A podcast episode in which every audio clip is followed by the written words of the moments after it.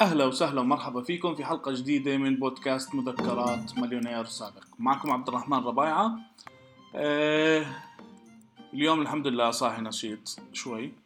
آه عملت فحص آه كورونا للمرة الثالثة. الحمد لله بس لما النتيجة إن شاء الله تطلع نيجاتيف مشان أعرف أشوف الناس وأخالطهم وخلاص زهقت من الحجر وزهقت من الحياة. بالطريقة هاي فإن شاء الله الأمور كلياتها تصير أحسن. آه شربت قهوة الصباح آخرها ضايق شوي وحط لكم موسيقى شوي تحميسية مشان حلقتنا اليوم حتكون عن موضوع لطيف. امبارح كنت سهران وخطر ببالي أو فتحت نتفليكس لقيت فيلم سمير أبو النيل لا أبو النيل لأحمد مكي. الفكرة تبعت الفيلم لطيفة كتير وأنا بحب أحمد مكي مشان هيك أنا كنت بحضر فيه. وبصراحة يعني ممتع مسلي ستايل أحمد مكي. ولكن اللي لفتني في هذا الفيلم بالقصة تبعته القصة طبعا تحكي عن الإعلام وكيف بيلعب بعقول الناس وكيف بيشتروا الناس والناس عقولهم بسيطة فبتخليش حدا يشتريك. بس مش هذا الإشي اللي أنا بدي أحكي عنه ومش هذا الإشي اللي بدي أركز عليه بالفيلم. اللي لفتني إنه سمير أبو النيل اللي بيمثله أحمد مكي في هذا الفيلم آه، إجته مصاري من ابن عمه أمانة معه فقرر إنه يشغلها ففتح قناة تلفزيونية فمشان يوفر قرر إنه أنا بدي أكون المدير والمذيع لكل البرامج. أنا بدي أعبي الهواء وبدي أعمل كل البرامج فأعمل البرنامج الأول البرنامج الثاني والبرنامج الثالث. وهذا إشي أنا بشوفه بشخصية أحمد مكي بشكل عام. أنا بني آدم كتير بحبه لأحمد مكي وبحب شغله بس دايما بتطلع إنه ليش أحمد مكي أنت بتحب تخرج وتعمل الشخصيات وتمثل الشخصيات كلياتها مع بعض؟ واللي حضر لأحمد مكي قبل هيك بيعرف إنه إذا حضرته الكبير قوي إيه بيكون بيمثل ثلاث أربع شخصيات جوا المسلسل. ممتع مسلي بالنسبة لأحمد مكي إشي كتير ممتاز وهو حدا متقن للأدوار هاي ومتقن للشغل هاد ومسلي كتير وأنا بستمتع فيه لما أحضره. مش إحنا مش مش برنامج سينمائي مشان أقعد أنتقد في الناس من الطريقة السينمائية ومش راح افرض خبراتي إنه في السينما. أنا بدي أركز على شغلة واحدة إنه أنت مش سوبرمان. هاي الفكرة الأساسية اللي أنت بدك تحطها في راسك لما تيجي تبلش شغل. ما بزبط أنا أروح أحط كل الشغل علي وأحكي أنا الون مان شو تبعي اللي أنا سوبرمان وبدي أشتغل على المشروع أنا لحالي. أنا اللي بدي أكون الكل بالكل بالمشروع وبدي أشتغل المشروع من الألف للياء لحالي وأوقفه كلياته لحالي. لأنه كل حدا فينا له طاقة. بالفيلم بصير في موقف مع أحمد مكي فالقناة كلياتها بتوقع لأنه هذا الشخص وقع. فتخيل أنت لما تيجي تشتغل آه، بخاصية السوبرمان تبعتك وتوقف المشروع كلياته تبعك عليك ويصير فيك زي حالتي اليوم. أنا اليوم صابني كورونا وقعدت في البيت 14 يوم بشتغل من البيت. لو أنا بشتغل لحالي لو أنا مركن على كل إشي أشتغله بنفسي كان زمان كان ال 14 يوم هاي دمرتني. مش وقفتني دمرتني لأنه 14 يوم آه، مدة طويلة.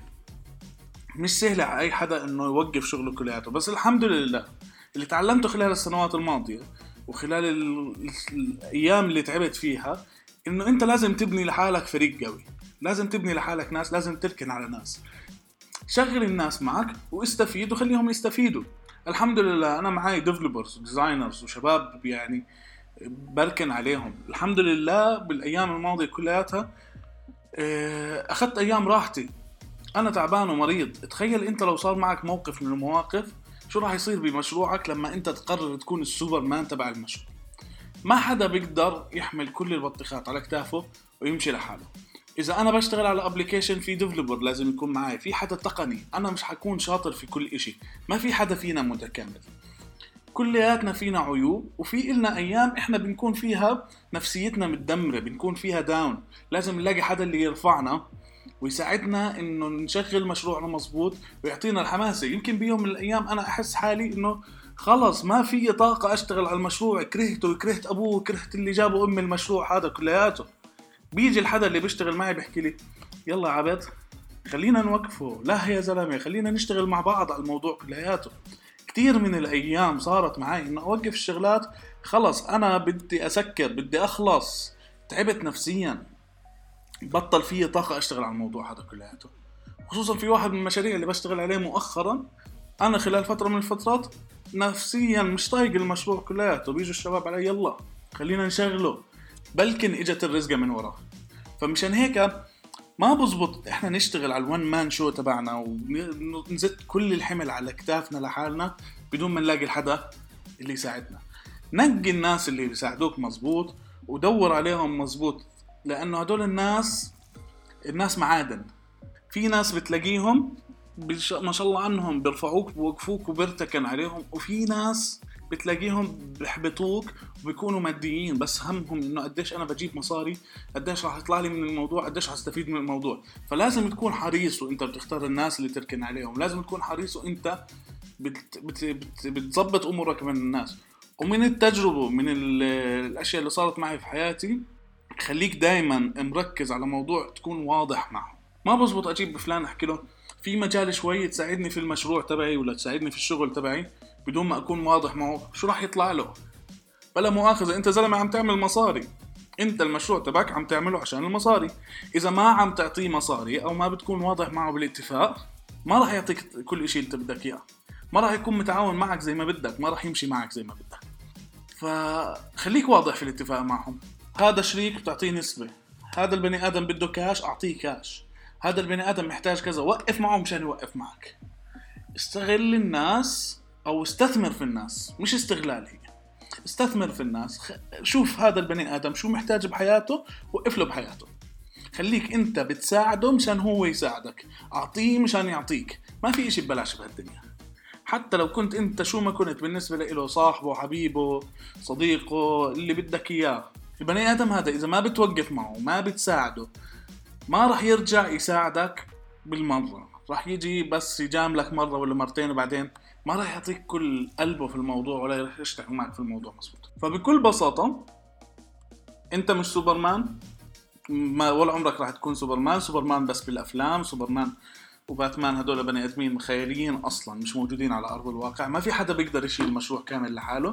قد ما قدرت تشيل من المشروع آه راح تيجي لحظة تنهار فيها راح تيجي لحظة توقف فيها انت ما بتعرف.